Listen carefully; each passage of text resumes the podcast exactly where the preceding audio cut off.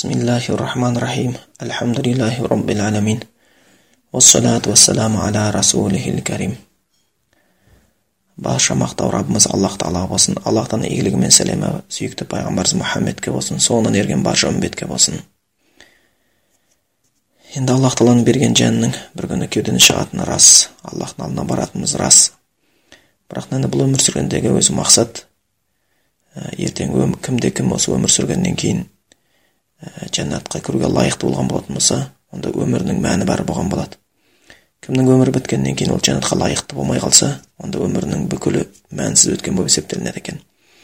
Енді сол құран үйренейік атты бағдарламамызда және бір аятқа тоқталсақ дейміз. Сөздердің ең жақсы аллахтың сөзі. Жолдардың ең жақсы аллахтың елшісінің жолы. Ә, бүгінгі тоқталатын аятымыз сол бахара сүресінің 119 аяты екен. Ол аятта аллах тағала былай деп айтқан екен. Бисмиллахи рахман рахим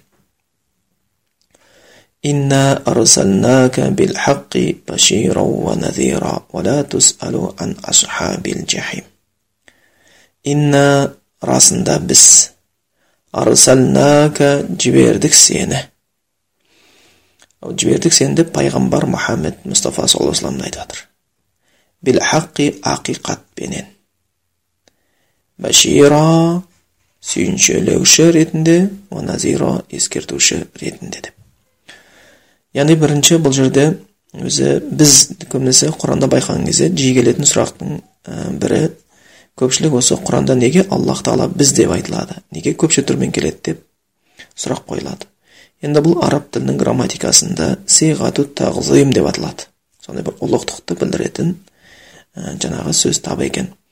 Бұл жердегі сонда біз деп жатқаны ұлы алла тағала. Ұлы болған аллах тағала деген мағына береді екен. Құрметті ұлылықты көрсету үшін. Арсалнака жібердік сені деп пайғамбарға айтып жатыр. Яғни мұхаммед ибн абдулла абдуллах молла мұхаммед аллах тарапынан келген пайғамбар.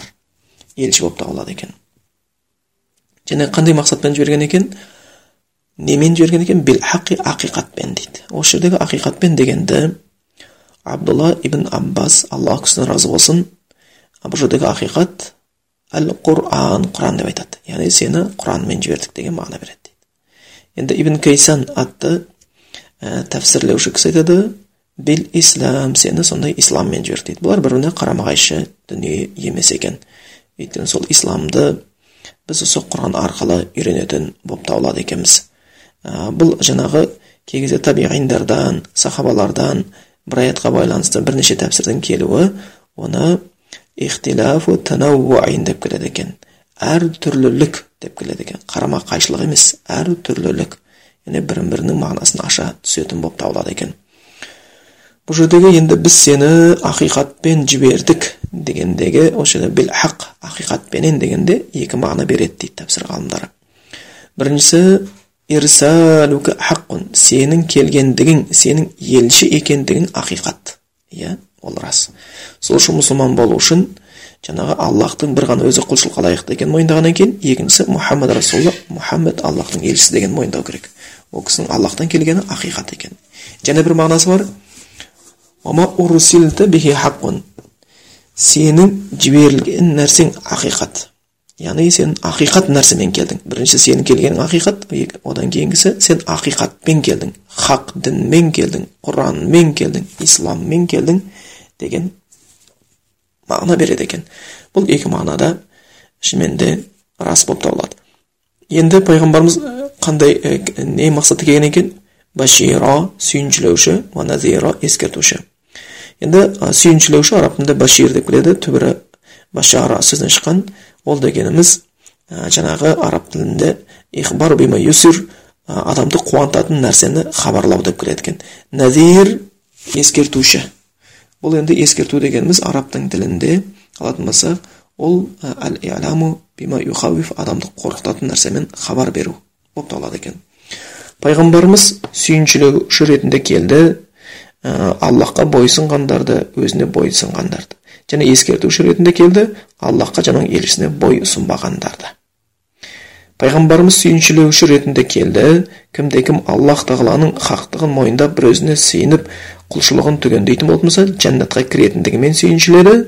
Ал енді кімде кім аллахқа серік қосып оның бұйрығын орындамайтын болатын болса оның тозаққа түсетіндігін хабарлап ескерткен болатын болады.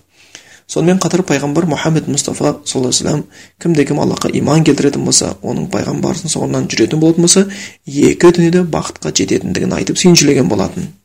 Ал кімде кім аллах тағалаға қарсы келіп оның пайғамбарының жолымен жүрмейтін болатын болса екі дүниеде бақытсыздыққа душар болатынын айтып ескерткен болатын. Міне сол үшін пайғамбарымыз сүйіншілеуші және ескертуші болып табылады екен. Жалпы өзі құран ислам екі нәрседен тұрады.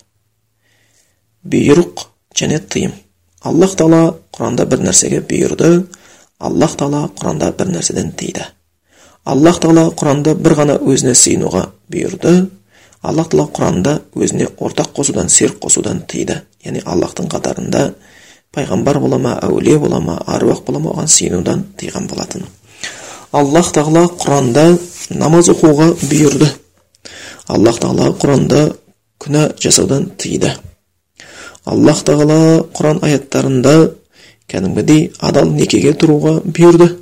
Құран аяттарында зинадан тыйған болып табылатын. Аллах тағала құран аяттарында бізге халал болған таза болған тағамдарды ішіп жеуге бұйырды. Және аллах тағала құран аяттарында харам болған доңыздың еті сияқты арақ сияқты нәрселерден тыйды. Сондықтан құран бұйрықтар мен тыйымдардан тұрады екен. Енді кімде кім? Сол аллахтың бұйрықтарын шамасы келгенше орындап тыйымдарынан шамасы келгенше тыйылатын болса онда ол адамға сүйінші бар. Және ол сүйіншіні аллахтың елшісі пайғамбар мұхаммед мұстафа саллаллаху алейхи вассалам жеткізеді екен. Ал енді кімде кім аллах тағаланың бұйрықтарын орындамай тыйымдарынан тыйылмаса онда оған ескерту бар. Оны қатты бір азап болатындығымен.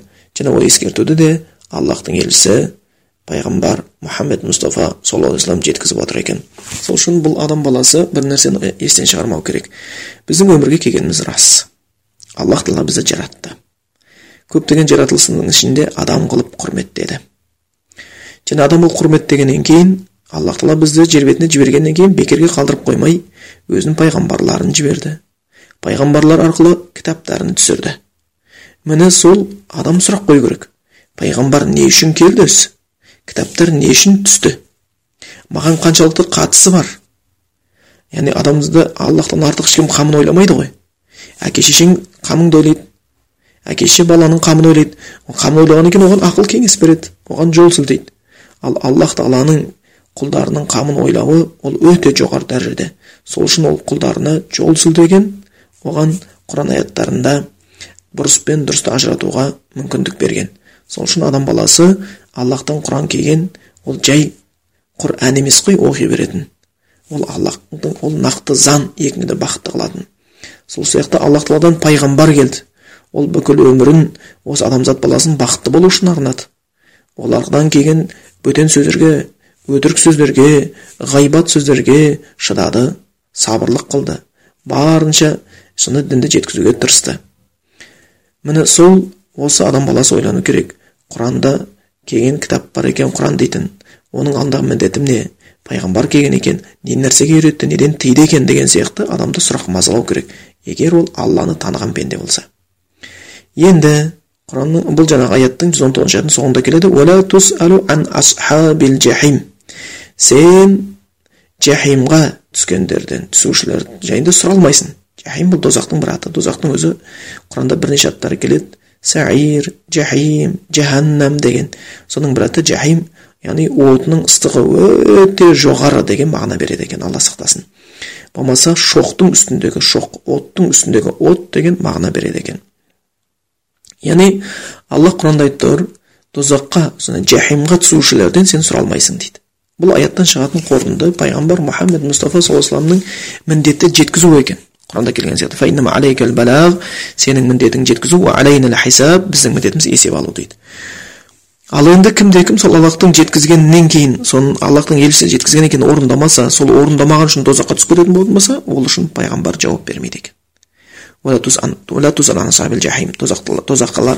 сен сұралмайсың деген мағынасы сол екен пайғамбарымыз уағыз айтты қабылдағандар болды қабылдамағандар болды. Пайғамбарымыздан кейін пайғамбарымыздың мирасқолы болған мирасқорлар болған дін иелері діннен діни білімі бар ғалымдар да осы жаңағы пайғамбардың айтқан өсиетін құрандағы аяттар елге жеткізуде. Пайғамбарды тыңдамағандар бар болған сияқты оларды тыңдамағандар бар болып қалуы мүмкін. Пайғамбарларды менсінбегендер бар болған сияқты пайғамбар мирасқорлар ғалымдарды менсінбейтіндер бар болып қалуы мүмкін. Пайғамбардың соңынан ергендер болған сияқты ол ғалымдардың да сөзін тыңдайтын қабылдайтындар да болады екен. Енді осы құрандағы нәрсені орындамағаннан кейін ертең бұл өмірден өткеннен кейін адамдар екі топқа бөлінеді. Иннал наим жақсылар жәннатта. Уа иннал лафи жахим ал күнәһарлар қылмыскерлер тозақта дейді. Мына сол тозаққа түскен адамдар жайында сен сұра алмайсың дейді. Тура сол сияқты бұдан шығатын қорытынды пайғамбарымыздың міндеті жеткізу.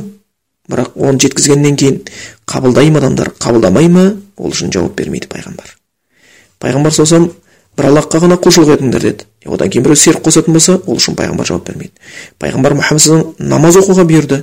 Егер біреу намаз оқымай жүрген болатын болса ол үшін пайғамбар жауап бермейді. Тура сол сияқты пайғамбардың мирасқорлары да адамдарға бір аллахқа сүйену керектігін пайғамбар соны еру керектігін түсіндіру керек. Олардікі міндеті жеткізу олардікі де. Бірақ оларды біреу тыңдамаса жаңағы олар айтқан істемесе ол үшін ғалымдар да жауап бермейді екен. Есепті алатын аллах тағала болып табылады екен. Аллахтан барып есеп береді.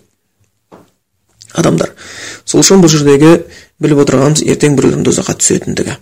Осы жердегі аятта дегенде өзі мына қырағат деп қояды. Кейбір ә, кішкене ілімді сәл хабар барлар үшін сәл қосымша хабарлама беріп кетейік.